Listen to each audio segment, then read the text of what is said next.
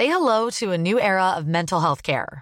Cerebral is here to help you achieve your mental wellness goals with professional therapy and medication management support. 100% online. You'll experience the all new Cerebral Way, an innovative approach to mental wellness designed around you. You'll get a personalized treatment plan from a therapist, prescriber, or both in a safe and judgment free space. Your cerebral therapist or prescriber will outline a customized plan with clear milestones along the way so you can get to feeling your best. With Cerebral, you're not alone in your mental health journey. We're here to empower you to live a fulfilling life. So take that first step towards a brighter future and sign up today at cerebral.com slash podcast and use code ACasts to get 15% off your first month. Offer only valid on monthly plans. Other exclusions may apply. Offer ends July 31st, 2024. See site for details.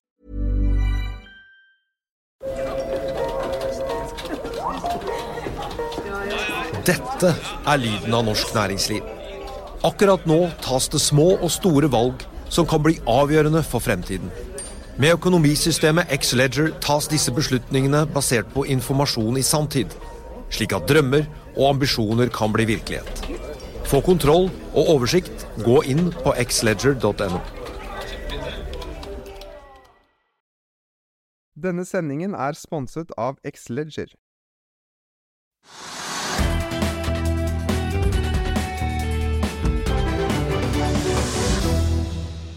En eh, riktig god fredag og velkommen til Økonominyhetene på denne siste børsdagen i eh, uken. Og det er kanskje like greit at det snart er helg, for eh, for en uke det har vært. Ikke bare gikk den amerikanske sentralbanken opp styringsrenten med 0,75 prosentpoeng onsdag kveld. Men i går så vi også en ny kraftig knekk i det amerikanske aksjemarkedet. Dow Jones sendte jo ned 2,4, SMP 500 ned 3,3 og Nasdaq Composite sendte ned hele 4,1% I dagens sending blir det mer om aksjer, for vi har fått besøk av Alfred Bergs aksjesjef eh, Leif Eriksrød. Det blir også dagens aksjetips, og vi skal se på hva som rører seg i det amerikanske boligmarkedet. Og så skal vi snakke litt bil på tampen av eh, sendingen. Men eh, la oss ta en titt på markedet nå på fredagen også. For etter det kraftige fallet i USA i går, så var det litt eh, blandet i de asiatiske markedene i natt og i morges. Og hovedveksten her hjemme den stengte jo ned 2,6 i går. Og i dag har det svingt litt, for etter en nedgang ved starten så snudde hovedindeksen fort opp igjen, og etter tre kvarter var vi opp 0,7% og etter et kvarter til så var vi plutselig opp halvannen prosent, og det ser ut til å fortsette enda litt oppover utover eh, dagen. Futuresene Wall Street eh, peker også mot en oppgang når eh, børsene der åpner om et par timers tid. Og rundt oss i Europa er det også grønt i dag. og noe annet som har fått seg et lite løft, er oljeprisen. Nordsjøoljen har nå bygget over 120 dollar fatet igjen. Ligger 30 eh, cent over, opp 1,2 fra sluttkursen i går. Og den amerikanske lettoljen ligger på 118 dollar og 10 cent i eh, spotmarkedet. Og oppsvinget kom jo bl.a. etter at eh, det ble kjent at amerikanske myndigheter besluttet å innføre nye sanksjoner mot kinesiske, emiratbaserte og iranske selskaper som hjelper Iran med å eksportere olje. og det ligger jo press på et eh, mildt sagt allerede presset energimarked. La oss se på nyhetene som har preget dagen i dag. Samtidig som de er i gang med byggingen av Norges første flytende havvindpark, så planlegger Equinor nå den neste, kalt eh, Trollvind. Og hvis eh, denne havvindparken blir realisert, så blir den både langt større og det reneste kinderegget, skal vi tro Equinor selv. Det er snakk om også en flytende vindpark utenfor Bergen som hvis den blir noe av, blir over elleve ganger så stor eh, som Hywind Tampen målt i kapasitet. Og Equinor eh, sier at de regner med å kunne levere kraft eh, derfra til under 1 krone kilowattimen. Parken skal etter planen kobles til både Troll- og Osebergfeltene, og også land ved landanlegget på Kolsnes. Og dermed vil man da kunne trekke fordelen av å koble seg opp og kunne balansere seg mot vannkraften fra land. Og man mener altså man skal klare å bygge dette her uten eh, subsidier og støtte. Og Equinor peker jo da på at de ikke bare vil hjelpe på med kraftsituasjonen på Vestlandet ved å bygge ut dette her, men eh, også at det vil hjelpe da på elektrifiseringen av felt på sokkelen, som jo oljenæringen er avhengig av hvis vi skal møte disse klimamålene som Stortinget har satt for 2030. Selve vindparken kan få oppstart i 2027, og med på laget så har eh, Equinor fått med både Petoro, Total Shell og Konoco Philips.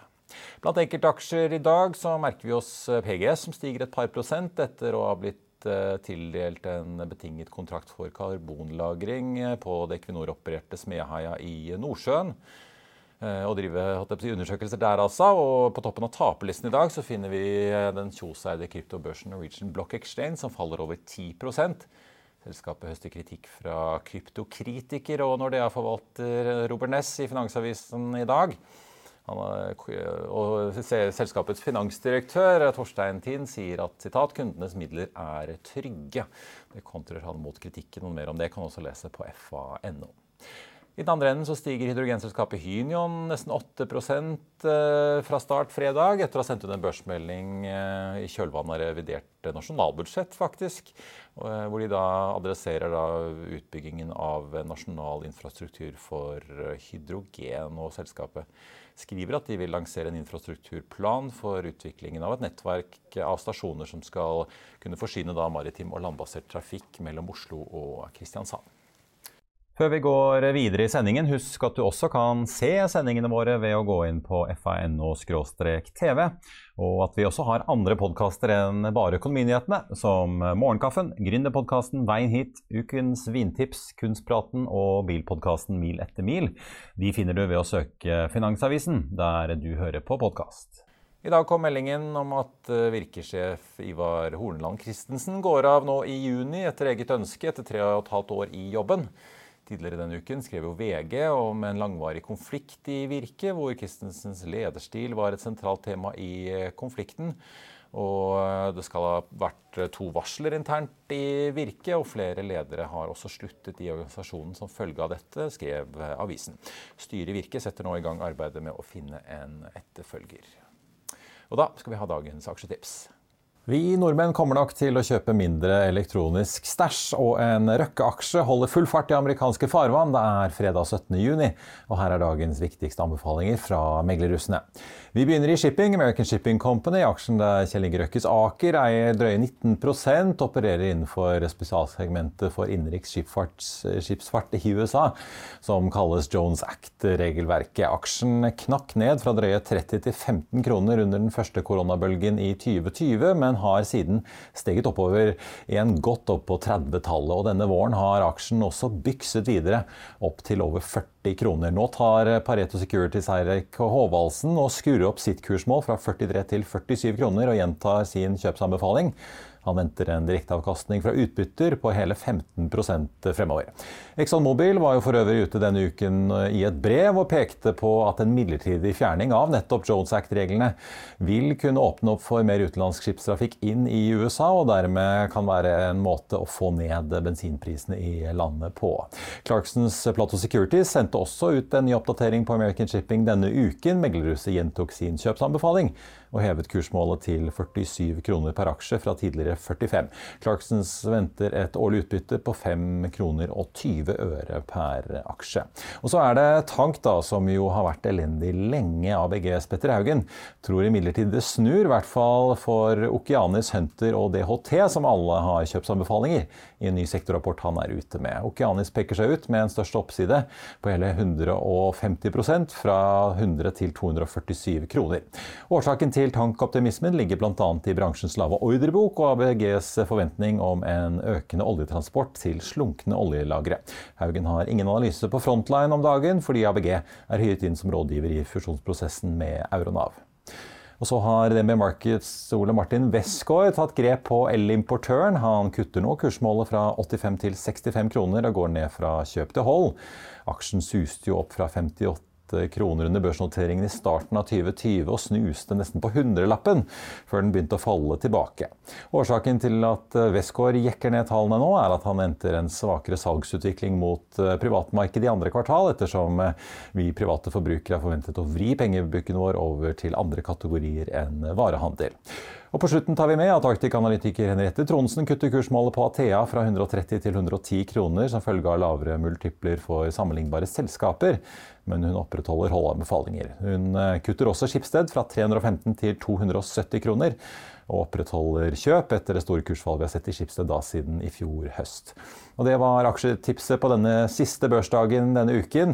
Siste nytt om hva som rører seg i markedet får du som alltid på fa.no. Og Da skal vi over til eh, dagens eh, gjest, som er en velkjent skikkelse i aksjemarkedet, og som forbereder seg på pansersterke kvartalstall her i Norge utover sommeren. Velkommen til oss, Leif Eriksrød, leder for aksjer i Alfred Berg. Takk for det. Eh, kanskje vi skal, Nå ser det ut til at vi får en ganske solid oppgang i dag, i hvert fall, men fortsatt eh, ned for uken og eh, ganske, en ganske røff sjø i, i, markedet. Hvordan vil du oppsummere denne aksjemåneden juni 2022? Ja, ja, du sa det vel. Det er eh, røff sjø. Og jeg tror man kan bli ganske eh, sprø hvis man skal henge seg opp i de daglige svingningene, for de er jo veldig store for tiden. Men ser man litt gjennom det, så, så tror jeg ikke nødvendigvis uh, sommeren blir så veldig galt. Men sånn som eh, vi så da rentemøtet i USA her på onsdag og påfølgende oppturen, og så da det der store krasjet i går eh, på torsdag, hvordan leser du det? Er det, er det bare markedet som sliter med å finne ut hvordan man egentlig leser eh, rentebanen til Fed, eller? Nei, Den tror jeg nok er ganske tydelig. Men det er heller det at sånn fra dag til dag så er det så mange faktorer som påvirker markedet som man ikke har kontroll over. Og de kan virke i ulike retninger. sånn at når når sentralbanken kommer med sin melding, så, så, er det plutselig helt andre drivere som traff den dagen. Eh, som da kan trekke helt motsatt retning av det som skulle vært rasjonelt bare for den ene meldingen. Men det er jo på en måte tusenvis av faktorer som driver markedet, som, som kan påvirke fra dag til dag. Så det, det gjelder egentlig å løfte blikket litt og, og, ikke henge seg opp i daglige svingninger. Selv om jeg, jeg skjønner jo det at når det er 2-3-4% svingninger på daglig basis, så, så skaper det kjempeoverskrifter. Ja, det er jo, men det er jo store utslag. Eh, jeg ser bare så Boeing og Netflix plutselig her på onsdag suste opp liksom 8-10% altså, Det er jo ja. Det blir jo som om Equinor skulle gjort det samme omtrent. Ja, ja. Men, det, men, det, er klart, det er måte, det er tilfeldigheter som driver det. som man, man kan egentlig ikke bruke livet sitt på å liksom, prøve å forklare hvorfor noe går opp og ned 5% om dagen, gitt at ikke det er selskapsspesifikke nyheter. Eh, det, det, er tilfeldigheter, rett og slett. Man, man, må bare legge det til side og, og, fokusere på det man egentlig kan forstå noe av. Og det er egentlig hvilke selskaper som tjener penger, og hvilke som ikke tjener penger. Og så er det klart, Rente er jo viktig i verdsettelsen av selskaper. rett og slett fordi at jo lenger frem i tiden inntektene ligger, jo, jo viktigere er jo hvilken diskonteringsrente du bruker. Så det, det er jo rasjonelle sammenhenger her. Men akkurat fra dag til dag så er det ikke så veldig rasjonelle. Nei. Du, øh, skal vi snakke litt om utviklingen? Altså, dere har jo mange fond i Alfredberg eh, som jo folk øh, kjenner godt. Særlig selvfølgelig da Gambak, som er veldig kjent for mange. Mm. Ned 6,5 siden nyttår. Det er jo omtrent en desimal unna omtrent fondsindeksen på Oslo Børs.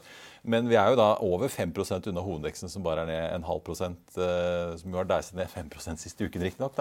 Mm. Equinor-effekten bare, eller? Ja, ja Equinor er jo 2022 det, det, er det som vi kommer til å huske fra 2022. Det er egentlig betydningen av Equinor, altså betydningen for, av olje i det norske aksjemarkedet. Uh, Equinor har vært en av de absolutt beste aksjene sånn isolert sett. I tillegg er det den desidert største i markedsverdi. sånn at det er klart... Ja, For dere har jo ikke lov til å sitte så mye i Equinor som hovedindeksen har? Eh, Equinor. Nei, det er jo derfor fondsindeksen eksisterer, egentlig, for å på en måte cappe Equinor på disse 10 prosentene. Eh, og jeg tror de fleste norske aksjefond nå egentlig har 10% Equinor.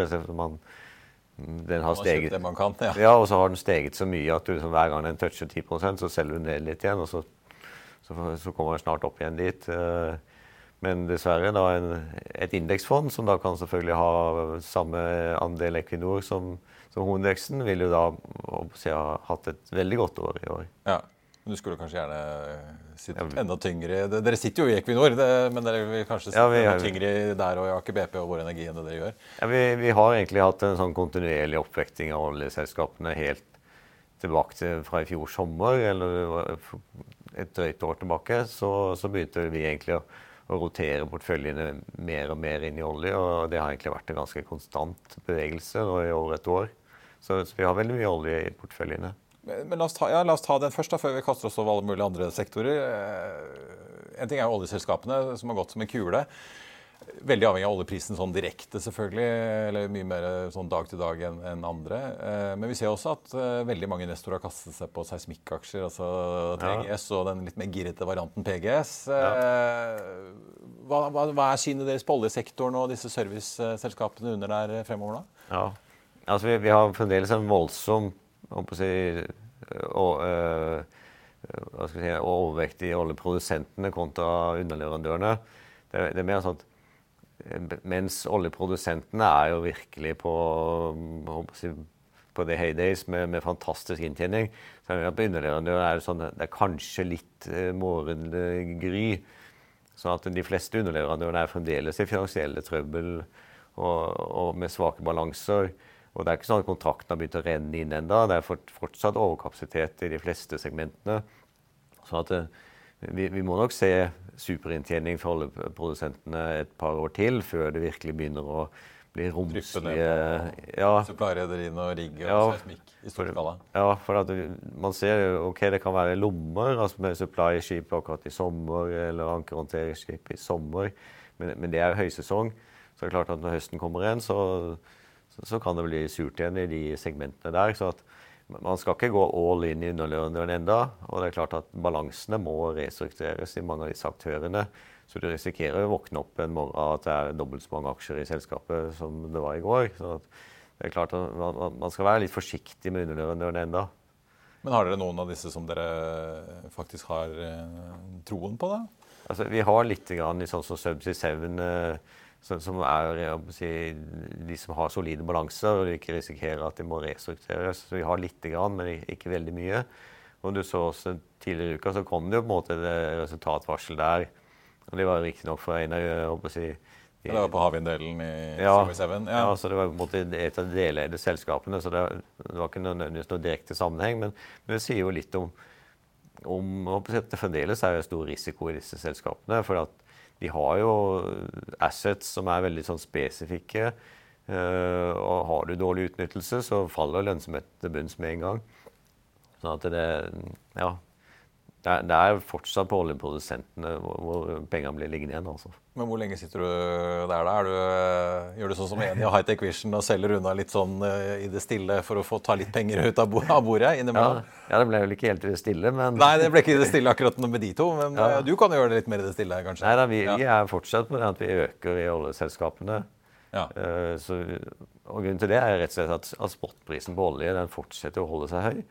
Uh, I analytikernes forventninger så, så, ligger det på en måte en fallende bane inne på oljeprisen. og så for hver dag som går med 120 dollar, så, så blir estimatene oppjustert. Og skjøvet ut, ja. Mm. Eh, du, eh, en annen stor aksje som eh, troner ganske høyt oppe hos dere, er jo SalMar. Sjømat er veldig gode laksepriser om dagen. Ja, er det SalMar som er favoritten i sektoren, eller? Ja, absolutt. Det er klart De har best track record på, på driften. Og de har også geografisk plassering som, som på en måte er de gunstigste produksjonsområdene. Så det, det, er grunn til å tro at de vil fortsette som den beste produsenten. Eh, pluss at de har gjort en del sånne strategiske grep som, som øker kapasiteten da, gjennom forsøk på oppkjøp av NTS og NRS, som gjør at det, at det blir nok med en mer global spiller etter hvert i år. Ja. Så vi er veldig glad i SalMar. Og dette med lakseprisen er jo kanskje interessant, for normalt så når lakseprisen en, en årstopp akkurat ved påsketider. Og så faller den eh, ganske bratt mot sommeren, der hvor produksjonen øker betydelig. Men i år så har lakseprisen strengt tatt steget etter påske og, og, holder seg på 100 kroner kiloen eh, faktisk nå i starten av sommeren, òg, hvor, hvor volumveksten virkelig tar seg opp. Så, så det er overraskende stramt i laksemarkedet i år. Ja, Vi så jo Bjørn Tore Larsen i Norse Atlantic glise fra øre til øre da han eh, satt på første flighten denne uken til New York. Eh, for han hadde jo buken full av sjømat, bl.a. Eh, ja. kunne vi høre fra Avinor. Ja, og han selv. Ja. ja. Kiloprisen hans er fremdeles bedre på de menneskelige passasjerene enn på laksen som ja. i cargo. Alt hjelper med det dyre drivstoffet som disse stakkars flyselskapene må fuele opp med om dagen. Ja da. Men altså, vi ser jo, og det så vi jo, Grieg Seafood hadde jo kapitalmarkedsdag denne uken. Alle snakker jo om økte kostnader i uh, sjømat òg. Bekymrer det dere, eller? Ja. Eller er på en måte lakseprisen så god at det det, det som er med fôrkomponenten, da, så er det klart at der er det mye hvete, det er soya, det er fiskemel.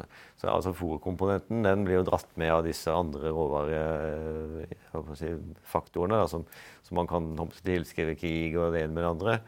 Men det som er litt spesielt med laks, er jo at du har så veldig lav fôrfaktor. Altså Du trenger bare én kilo fôr for å produsere én kilo fiskekjøtt. Mens da laksen konkurrerer globalt også med kylling og svin og okse. Og Der trenger du liksom plutselig to til seks til åtte kilo fôr for å få sluttproduktet ditt. ja. Ja, så derfor Med høye fôrpriser så blir jo strengt tatt laksen enda mer konkurransedyktig mot andre fôrkilder, når man da ser på det i et sånn globalt perspektiv. Så selv om isolert sett så ok, økte fôrkostnader er jo negativt, men det er også en del av forklaringen på hvorfor laksen går for 100 kroner kiloen da, internasjonalt nå. Ja. Retail, da. Vi så jo XXL få seg en ny skrell eh, denne uken med resultatvarsel. eh, Men vi kunne jo lese i altså BNP-tallene fra SSB også at det er jo ikke bare 8 på XXL. Hele varehandelen Ja. eh, trekker jo ned. Hva tenker dere om den sektoren? Vi Ja. har en god del retail-aksjer på Oslo Børs. Ja, men det er klart, i, i sum så er retail-sektoren bitte liten på børsen, så det betyr ikke så mye. Vi har litt i Europris og Kid, som vi på en måte opp, eh, opplever som litt sånn defensive retail-aksjer. Som i hvert fall i, i, i tallene ikke har blitt rammet ennå. Uh, kursene er jo på en måte, blir jo litt smitta av klart når XXL uh, faller så kraftig. Så, så smittes jo kursen litt av det. Men forhåpentligvis er det, er det ting som vil, vil stå seg når resultatene kommer. Og, og vi forhåpentligvis klarer å opprettholde marginer på et akseptabelt nivå. Ja. Men det er kanskje ikke der de pansersterke Q2-tallene kommer? Det er helt Nei, ting. nei, men det er jo sånn at vi, vi føler ikke at det er riktig å selge aksjer bare fordi at en, en annen retail-aksje gjør det dårlig. Mm. Så konstaterer vi at kursene presses litt, men hvis ikke det på en måte er en reell underliggende svekkelse i selskapene, så ser vi litt gjennom eh, akkurat det. da. Foreløpig mer eh, garn og, garn og gardiner enn eh, sykler på Alfred Berg. Ja, må, da må vi lære oss det òg. Men disse pansersterke kvartalstallene, dere sitter jo også ikke sant, En ting er jo selvfølgelig da olje. Antar da dere også venter det fra, fra SalMar eh, og sjømatsektoren? Ja, det er klart, De tyngste sektorene på Oslo Børs det er jo energi, så det er jo kommet etter med olje. Og så har du materials. Det vil jo også da, sånn som aluminium og Hydro Elkem sitter dere jo i. Ja. Ja, Elkem har jo også fantastiske priser. Yara har fantastiske priser. Og så har du da konsumsektoren, men da hovedsakelig sjømat. Der er det veldig bra. Og den siste av de store sektorene er jo finans. eh, som er sånn, det er jo ikke noe sånn veldig store svingninger, men det er klart at lønnsomheten i bankene har jo også vært fantastisk eh, siste tiden. Det har gått litt sånn under radaren den siste tiden, men, eh, men alt i alt så er ofte en, en høyere rente er jo bra for bankene òg.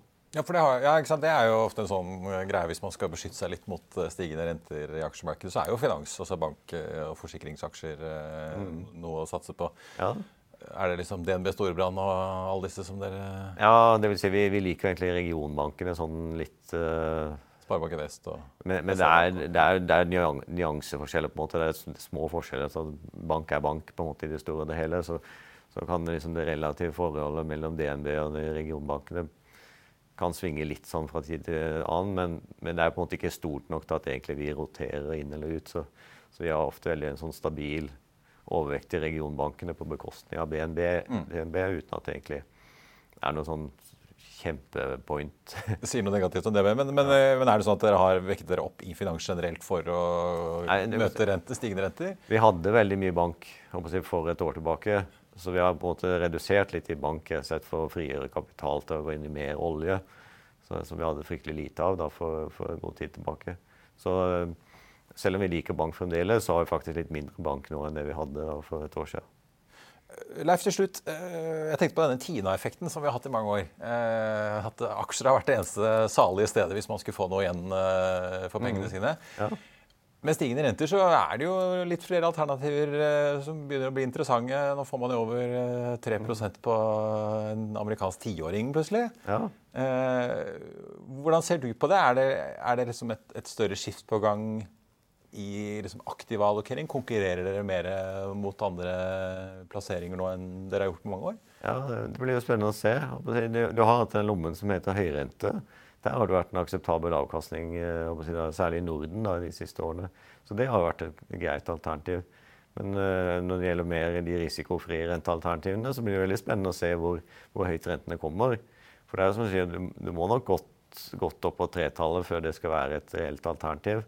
Så ja, hvorvidt rentene topper ut på, på tretallet, eh, det, det blir jo spennende å se, da. Ja. Men 3-3 på amerikansk statsgjeld er jo ja, med risikofri ja, plassering, da. Ja, men det er klart, hvis du går for litt kortere, da, som, som man ofte gjør når man skal ha risikofrie alternativer man, man, vil jo kanskje ikke så langt ut på durasjonen, for da risikerer du på en måte kursstigning igjen. Men ja, men det er klart at renteforvalterne er jo ikke like bleke lenger som det de var. Så det er klart eh, det er hyggelig for dem det å oppleve litt grann, At de også får seg litt, eh, litt avkastning. litt hyggeligere tider, ja. Eh, Leif Eriksrød i Alfaberg, tusen takk for at du kom til oss.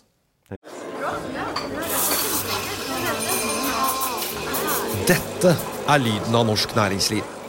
Akkurat nå tas det små og store valg som kan bli avgjørende for fremtiden. Med økonomisystemet X-Leger tas disse beslutningene basert på informasjon i sanntid, slik at drømmer og ambisjoner kan bli virkelighet. Få kontroll og oversikt, gå inn på xledger.no. Denne episoden er sponset av van Brun, en fremtredende smykkeforhandler kjent for sitt brede utvalg av forlovelsesringer, gifteringer og diamantsmykker som bæres og elskes i generasjoner. Et frieri er en av de største øyeblikkene i livet, hvor forlovelsesringen er et tidløst symbol på kjærligheten. Ring krever omtanke for både hvilket metall og diamant, med et bredt spekter av både naturlige og labdyrkede diamanter, og metaller som platina, gult gull, hvitt gull og roségull hjelper de deg med å sette et personlig preg på din kjærlighetshistorie. Van Brun vil gjerne invitere deg til å prøve på tre av dine favorittringer fra nettsiden helt kostnadsfritt. Du kan også låne et bredt spekter av frieriringer, slik at du og din forlovede kan velge en ring sammen etter det store ja. Van Brun tilbyr 90 dagers åpent kjøp og 90 dagers gratis størrelsesjustering.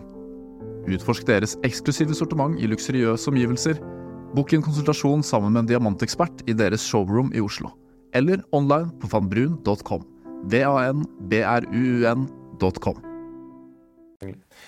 Fra aksjer skal vi over til eh, bolig, nærmere bestemt det amerikanske boligmarkedet, som jo var eh, sentralt i finanskrisen i 2008 og utover. Det har jo vært en eh, voldsom prisoppgang i USA i boligmarkedet en lang stund, og mange amerikanere sliter jo rett og slett med å finne et sted å bo. Men på onsdag kveld hørte vi jo Fed-sjef Jerome Powell si at han ikke er bekymret for boligmarkedet, selv om han nå jekker opp rentenivået for full guffe. Men hva skjer egentlig der borte da i USA? Bloomberg har pratet med konsernsjefen i Waypoint. Get some more insight into what is happening with the housing market. Scott Lawler, CEO of Waypoint, joins us now. Uh, that's a multifamily property developer in the southern region of the United States, Florida, etc. Great to have you on the show. Scott, let's talk a little bit about what is happening here. The mortgage rate has rocketed. We're now circa 6%. What impact is that having? Well, it's important to remember we're in the rental housing business. And so, you know, that does make it tougher for folks to buy a house in the short run. And so, whether folks have concerns about uh, a recession or whether they're looking at a higher cost to borrow, that has implications for someone's ability and willingness to go buy a home, which has implications, therefore, for rental demand. So, while it's tough from certain perspectives as it relates to rental housing around our region of the country, um, the implications are a little different. In some ways, it might work to our favor. Scott, we have to talk about these mortgage uh, rates. Sure, they're rising, but at what point do we start to see the demand destruction that I think a lot of people have been calling for? But ultimately, this is a sector, this is an industry where there is still a housing shortage. When do we see that breaking point? Well, see, it's an interesting question because, you know, obviously the home price appreciation we've observed the last few years is not sustainable. And I don't think anybody was rooting for, you know, 20% annual gains to continue or, or thought they could.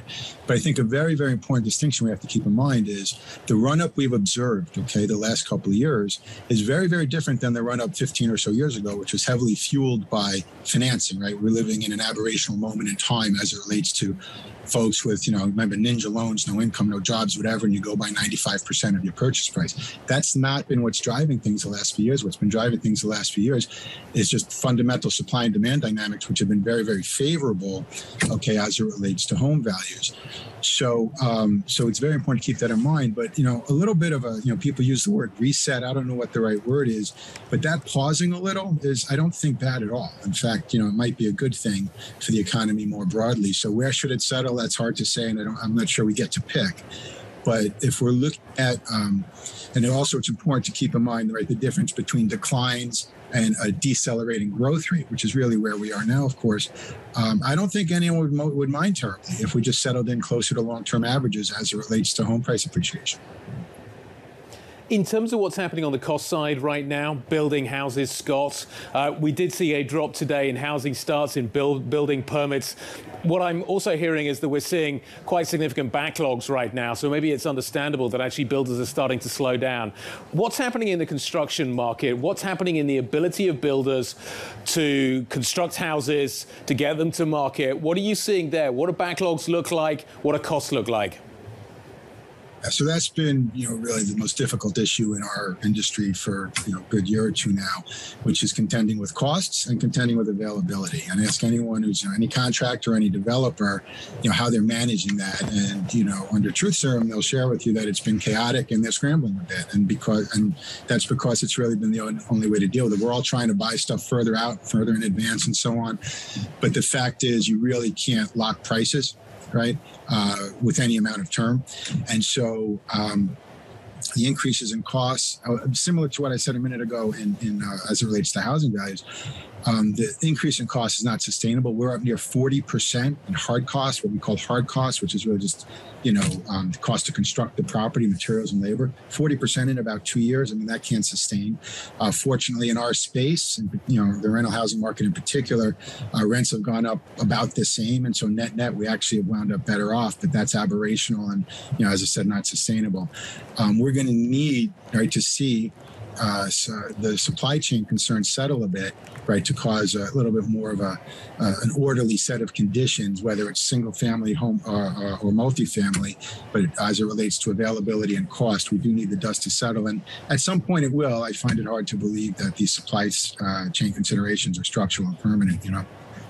Scott, you were talking about the cost. Let's talk about the hedging here, whether it's hedging against building costs or hedging against simply the rise in interest rates. How are you seeing that part of the market? Well, it's tough, you know, because I think you know we'd all love to hedge, but of course, as the world gets a little crazier, the hedging gets more expensive, and so the market always prices so that you know you're right at uh, kind of right on the fence there. We historically have um, borrowed. Uh, we borrow on a floating rate basis as a developer. We typically get a construction loan, um, and we're on that loan for a few years. And just, uh, for a long stretch, we did not um, we did not hedge that interest rate risk because we felt comfortable with it. Uh, of course, now we're looking at it very very closely and are more inclined to. But if, as you know, similarly, the costs have gone up, and so um, I think we're in the same boat as everybody, which is. Uh, it's, it's a tough one. I mean, it's it's gone up even in the last 24 hours. So you can add, yep. um, you know, several million dollars to the cost of, a, say, a hundred million dollar project. Uh, but you know, man, if you don't buy that that coverage, you're also going to lose a lot of sleep. And so, really, it's case by case. It's right on the fence. Our inclination generally is to take the risk off the table and accept a little bit lower return, uh, possibly, but sleep better at night. It's nice to sleep at night. One final quick question from me, Scott. Um, how much are you paying your people relative to, say, six months ago? Do you get the people you need? Do you get the bricklayers? Do you get the electricians? Do, do you get what you need in terms of the people and the skills to do what you need to do?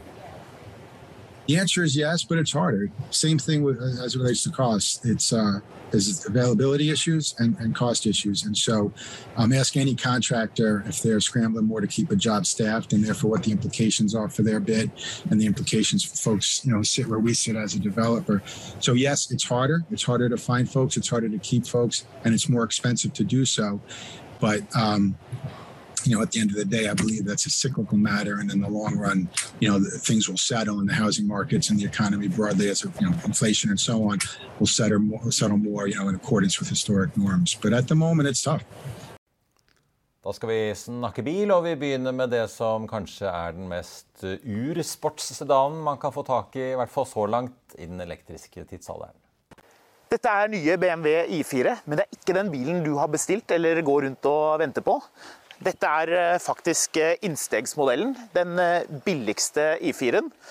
Den ser kanskje lik ut som M50-modellen alle går rundt og gleder seg til. Men selv om dette er den billigste, så er den faktisk ganske spennende. 90 av oss nordmenn har bestilt den såkalte M50-versjonen med 544 hestekrefter, som gjør 0-100 på 3,9 sekunder.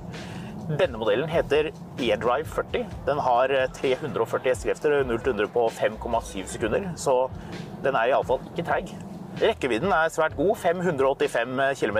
i beste fall riktignok. M50-versjonen, som alle nordmenn eh, så langt vil ha, har en rekkevidde på 513 km. Men det spennende er at den bilen her føles ganske mye som en klassisk BMW.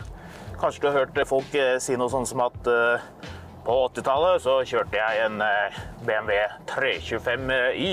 Det var skikkelig BMW, det. Og det er faktisk litt den følelsen man får i den bilen her.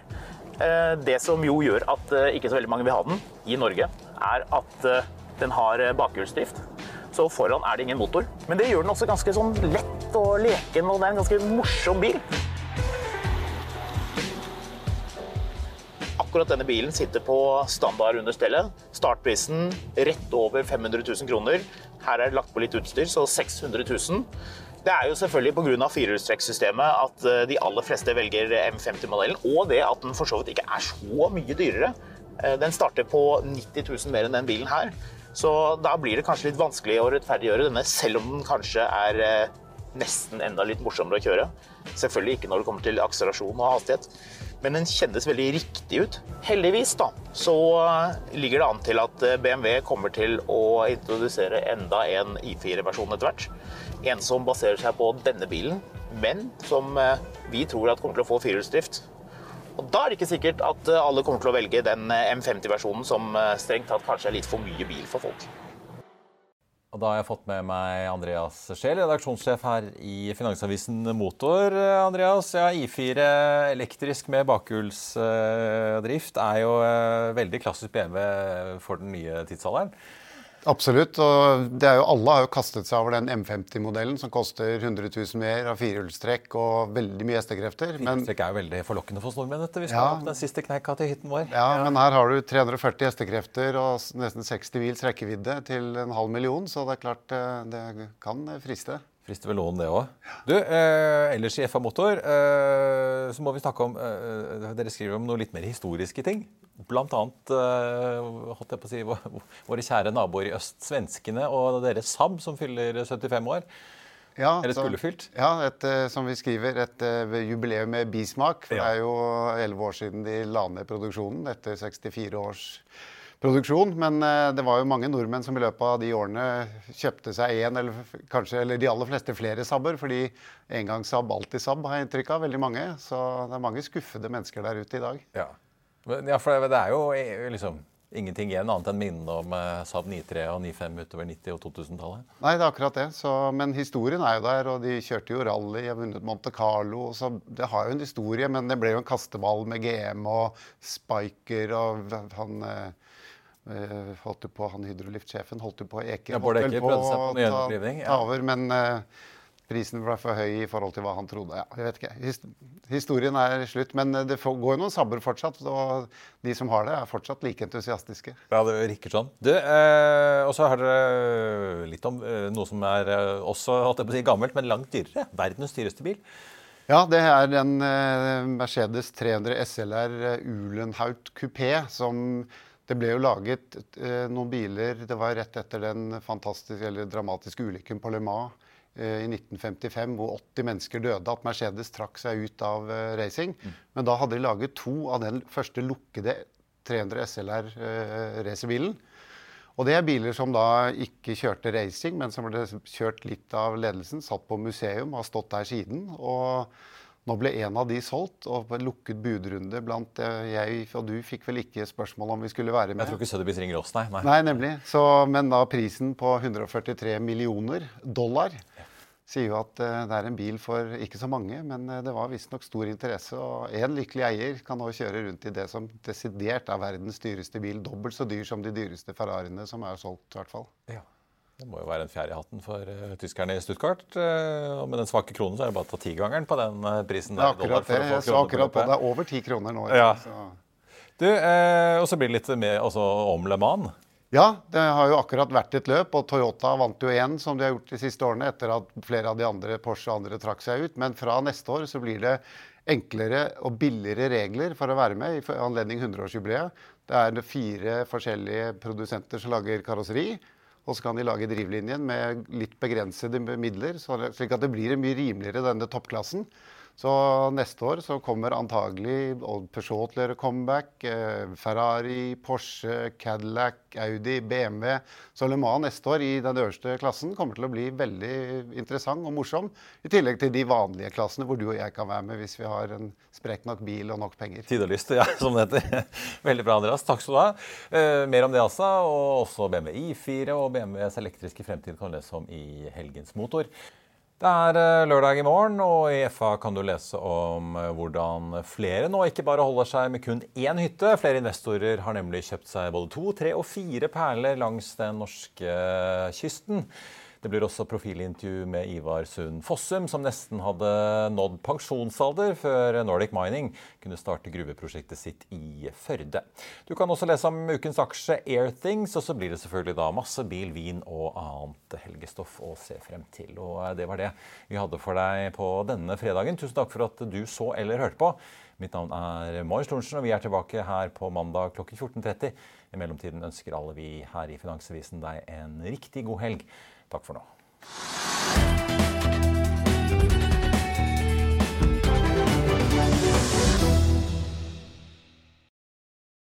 Denne sendingen er sponset av Xleger.